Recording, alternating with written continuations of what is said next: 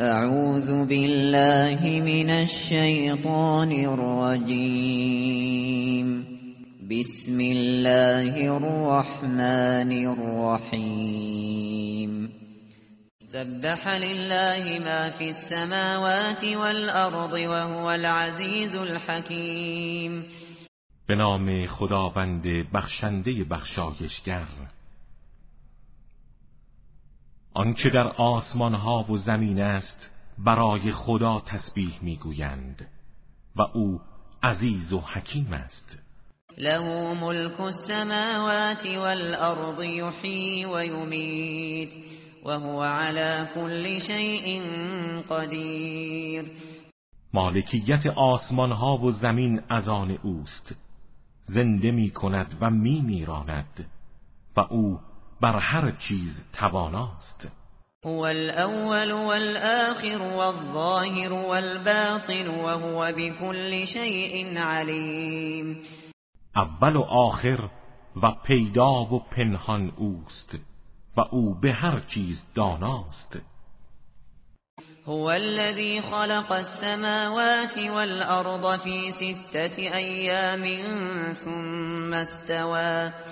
ثم استوى على العرش يعلم ما يلج في الأرض وما يخرج منها وما ينزل من السماء وما يعرج فيها وهو معكم أينما كنتم والله بما تعملون بصیر او کسی است که آسمان ها و زمین را در شش روز آفرید. سپس بر تخت قدرت قرار گرفت و به تدبیر جهان پرداخت. آنچه را در زمین فرو می رود می داند و آنچه را از آن خارج می شود و آنچه از آسمان نازل می گردد و آنچه به آسمان بالا می رود. و هر جا باشید او با شماست و خداوند نسبت به آنچه انجام می دهید بیناست. له ملك السماوات والأرض وإلى الله ترجع الأمور. مالکیت آسمان ها و زمین از آن اوست و همه کارها به سوی او بازگردانده می شود یولج اللیل فی النهار و یولج النهار فی اللیل وهو علیم بذات الصدور. شب را در روز می کند و روز را در شب. و او به آنچه در دل سینه ها وجود دارد داناست. آمنوا بالله ورسوله وأنفقوا مما جعلكم مستخلفين فيه فالذين آمنوا منكم وأنفقوا لهم أجر كبير به خدا و رسولش ایمان بیاورید. و از آنچه شما را جانشین و نماینده در آن قرار داده انفاق کنید. کسانی که از شما ایمان بیاورند و انفاق کنند اجر بزرگی دارند. وما لكم لا تؤمنون بالله والرسول يدعوكم لتؤمنوا بربكم وقد أخذ ميثاقكم وقد أخذ ميثاقكم إن كنتم مؤمنين. چرا به خدا ایمان نیاورید در حالی که رسول او شما را می‌خواند که به پروردگارتان ایمان بیاورید و از شما پیمان گرفته است اگر آماده ایمان آوردنید. هو الذي ينزل على عبده آيات بينات ليخرجكم ليخرجكم من الظلمات إلى النور وإن الله بكم لرؤوف رحيم. او کسی است که آیات روشنی بر بنده اش محمد نازل می کند تا شما را از تاریکی ها به سوی نور برد. و خداوند نسبت به شما مهربان و رحیم است. وما لكم ألا تنفقوا في سبيل الله ولله ميراث السماوات والأرض لا يستوي منكم من أنفق من قبل الفتح وقاتل اولئك اعظم درجة من الذين انفقوا من بعد وقاتلوا وكلا وعد الله الحسنى والله بما تعملون خبیر چرا در راه خدا انفاق نکنید؟ در حالی که میراث آسمان ها و زمین همه از آن خداست. کسانی که قبل از پیروزی انفاق کردند و جنگیدند. با کسانی که پس از پیروزی انفاق کردند یکسان نیستند. آنها بلند مقامتر از کسانی هستند که بعد از فتح انفاق نمودند و جهاد کردند. و خداوند به هر دو وعده نیک داده و خدا به آنچه انجام می‌دهید آگاه است. من ذا الذي يقرض الله قرضا حسنا فيضاعفه له فيضاعفه له وله اجر کریم کیست که به خدا وام نیکو دهد تا خداوند آن را برای او چندین برابر کند و برای او پاداش پرارزشی است؟ یوم ترى المؤمنین والمؤمنات يسعى نورهم بين أيديهم وبأيمانهم بشراكم بشراكم اليوم جنات تجري من تحتها تجري من تحتها الأنهار خالدين فيها ذلك هو الفوز العظیم این پاداش بزرگ در روزی است که مردان و زنان با ایمان را مینگری که نورشان پیش رو و در سمت راستشان به سرعت حرکت می کند و به آنها می‌گویند بشارت باد بر شما امروز به باغهایی از بهشت که نهرها زیر درختان آن جاری است. جاودانه در آن خواهید ماند و این همان رستگاری بزرگ است. یوم یقول المنافقون والمنافقات للذین آمنوا انظرونا نقتبس من نوركم قيل ارجعوا وراءكم فالتمسوا نورا فضرب بينهم فضرب بينهم بسور له باب باطنه فيه الرحمة وظاهره من قبله العذاب. روزی که مردان و زنان منافق به مؤمنان می‌گویند نظری به ما بیفکنید تا از نور شما پرتوی برگیریم. به آنها گفته می شود به پشت سر خود بازگردید و کسب نور کنید. در این هنگام دیواری میان آنها زده می شود که دری دارد. درونش رحمت است و برونش عذاب.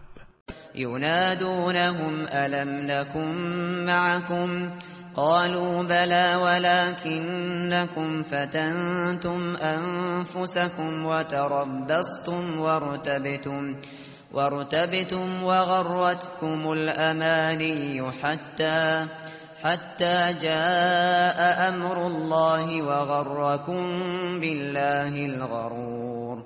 آنها را صدا می‌زنند. مگر ما با شما نبودیم؟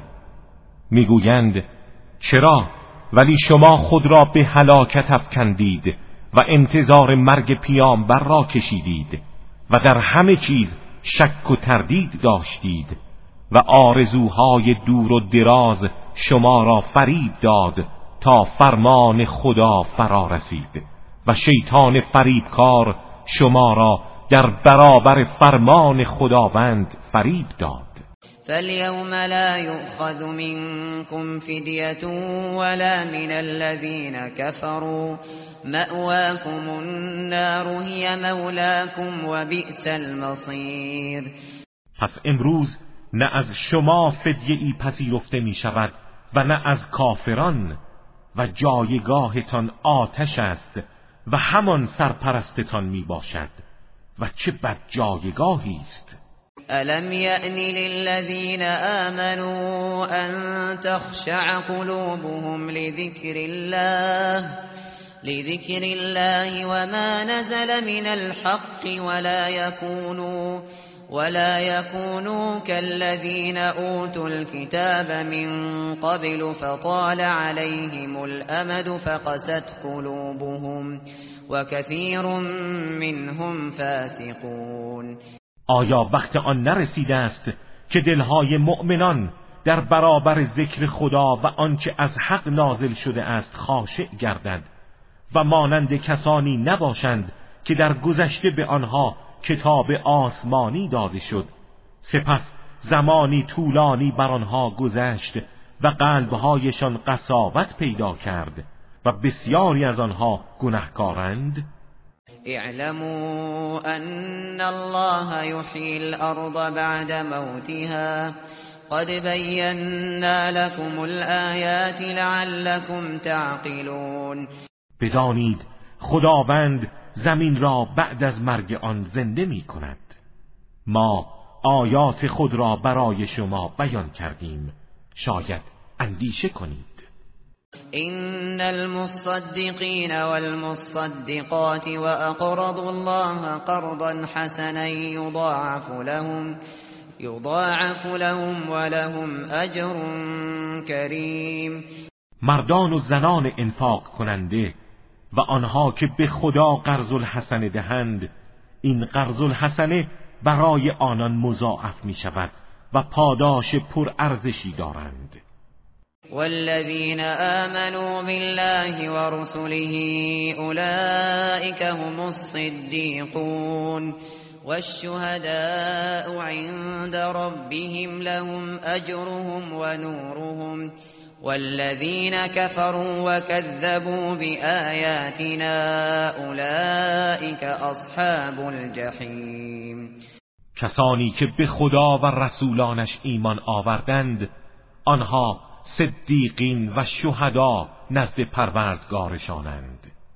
برای آنان است پاداش اعمالشان و نور ایمانشان و کسانی که کافر شدند و آیات ما را تکذیب کردند آنها دوزخیانند.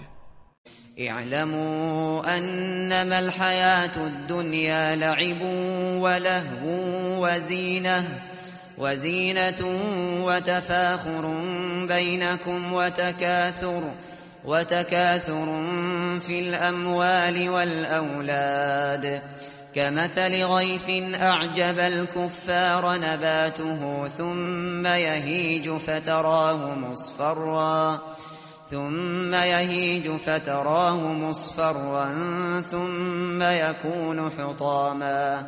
وفي الآخرة عذاب شديد ومغفرة من الله ورضوان وما الحياة الدنيا إلا متاع الغرور. بدانید زندگی دنیا تنها بازی و سرگرمی و تجمل پرستی و فخر فروشی در میان شما و افزون طلبی در اموال و فرزندان است. همانند بارانی که محصولش کشاورزان را در شگفتی فرو می‌برد. سپس خشک می شود به گونه ای که آن را زرد رنگ می بینی سپس تبدیل به کاه می شود و در آخرت عذاب شدید است یا مغفرت و رضای الهی. و زندگی دنیا چیزی جز متاع فریب نیست. سابقوا إلى مغفرة من ربكم وجنة عرضها عرضها كعرض السماء والأرض أعدت للذين آمنوا بالله ورسله. ذلك فضل الله يؤتيه من يشاء والله ذو الفضل العظيم.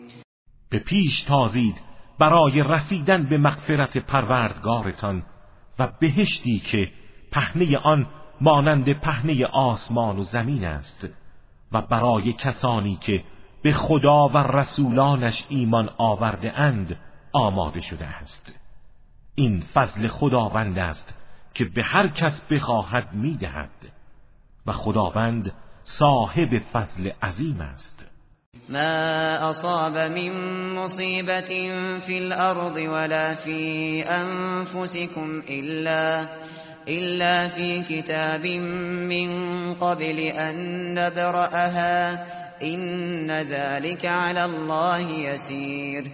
هیچ مصیبتی در زمین و نه در وجود شما روی نمی‌دهد مگر اینکه همه آنها قبل از آن که زمین را بیافرینیم در لوح محفوظ ثبت است و این امر برای خدا آسان است. لكي لا تأسوا على ما فاتكم ولا تفرحوا بما آتاكم والله لا يحب كل مختال فخور. این به خاطر آن است که برای آنچه از دست داده اید تأسف نخورید و به آنچه به شما داده است دلبسته و شادمان نباشید و خداوند هیچ متکبر فخر فروشی را دوست ندارد. الذين يدخلون ويأمرون الناس بالبخل ومن يتول فإن الله هو الغني الحمید همانها که بخل میورزند و مردم را به بخل دعوت می‌کنند و هر کس از این فرمان روی گردان شود به خود زیان میرساند نه به خدا. چرا که خداوند بینیاز و شایسته ستایش است. لقد ارسلنا رسلنا بالبينات وانزلنا معهم وانزلنا معهم الكتاب والميزان ليقوم الناس بالقسط. وأنزلنا الحديد فيه بأس شديد ومنافع للناس ومنافع للناس وليعلم الله من ينصره ورسله بالغيب إن الله قوي عزيز.